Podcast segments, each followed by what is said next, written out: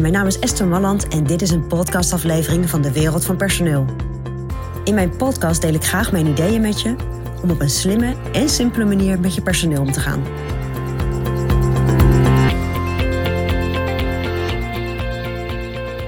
Op het moment dat iemand bij jou start, heb je natuurlijk een proeftijd met elkaar. En afhankelijk van de duur van je contract is dat één maand of twee maanden. Hangt ook een beetje van je CAO af. Sommige CAO's geven per definitie twee maanden proeftijd. Maar goed, iemand gaat starten bij jou. En jij hebt verwachtingen en je medewerker heeft verwachtingen en jullie starten lekker. Er is misschien een hele procedure aan vooraf gegaan. Waarschijnlijk een hele procedure aan vooraf gegaan. Maar tijdens die proeftijd blijkt, het wordt hem niet. Het voelt gewoon niet goed. En uh, ja, je hebt echt het idee dat het echt een mismatch is.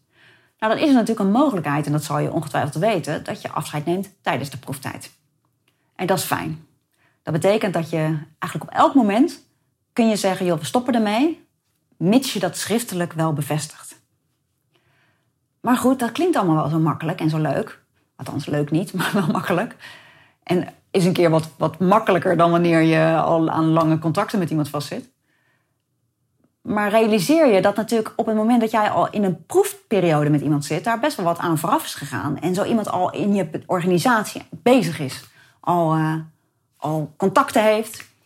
Dus op het moment dat je stopt in de proeftijd, is dat best ingrijpend. En dat blijkt ook in de praktijk, dat het niet alleen ingrijpend is voor de medewerker zelf, maar dat het ook voor jou ingrijpend is en voor het bedrijf en de mensen die om jouw nieuwe medewerker heen werken.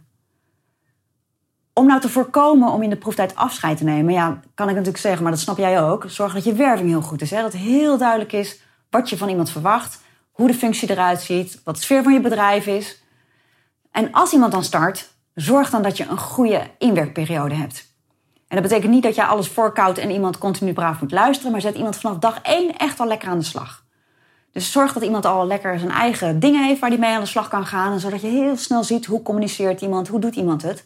Maar daarmee bied je ook die persoon, de nieuwe medewerker, eh, iets, iets houvast tijdens een proefperiode. Dus geef ook een opdracht tijdens die proeftijd. Van joh, als je daaraan gaat werken, dat gaat uitzoeken, dan voelt iemand zich niet zo verloren en dan kan iemand lekker starten. Zorg ook dat je regelmatig met iemand om de tafel zit. Zodat je goed vinger aan de pols houdt en kan bijsturen. Want op het moment dat jij pas twee dagen voor het einde van de proeftijd zegt, nou, het gaat toch niet werken, ja, dan voelt dat natuurlijk sowieso niet goed. Dat is voor jou niet leuk, maar dat is voor die medewerker helemaal niet prettig. Dus de proeftijd is fijn. Dat is een hele fijne, toch even goede mogelijkheid om te kijken, wordt dit wel echt een match? Maar het is natuurlijk wel zo dat als je allebei tijdens die proeftijd concludeert, of een van beide, dat het niet werkt, dat dat natuurlijk wel zonde is. Van alle tijd en energie erin in is gaan zitten. En ook wel teleurstellend, hè? alle verwachtingen die jullie allebei hadden. Dus probeer het zoveel mogelijk te vermijden.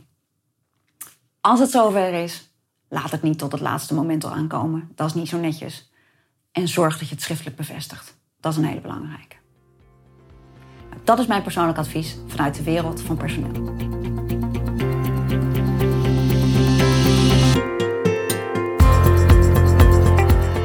Wil ontwikkelingen in de wereld van personeel blijven volgen? Abonneer je dan op ons podcastkanaal.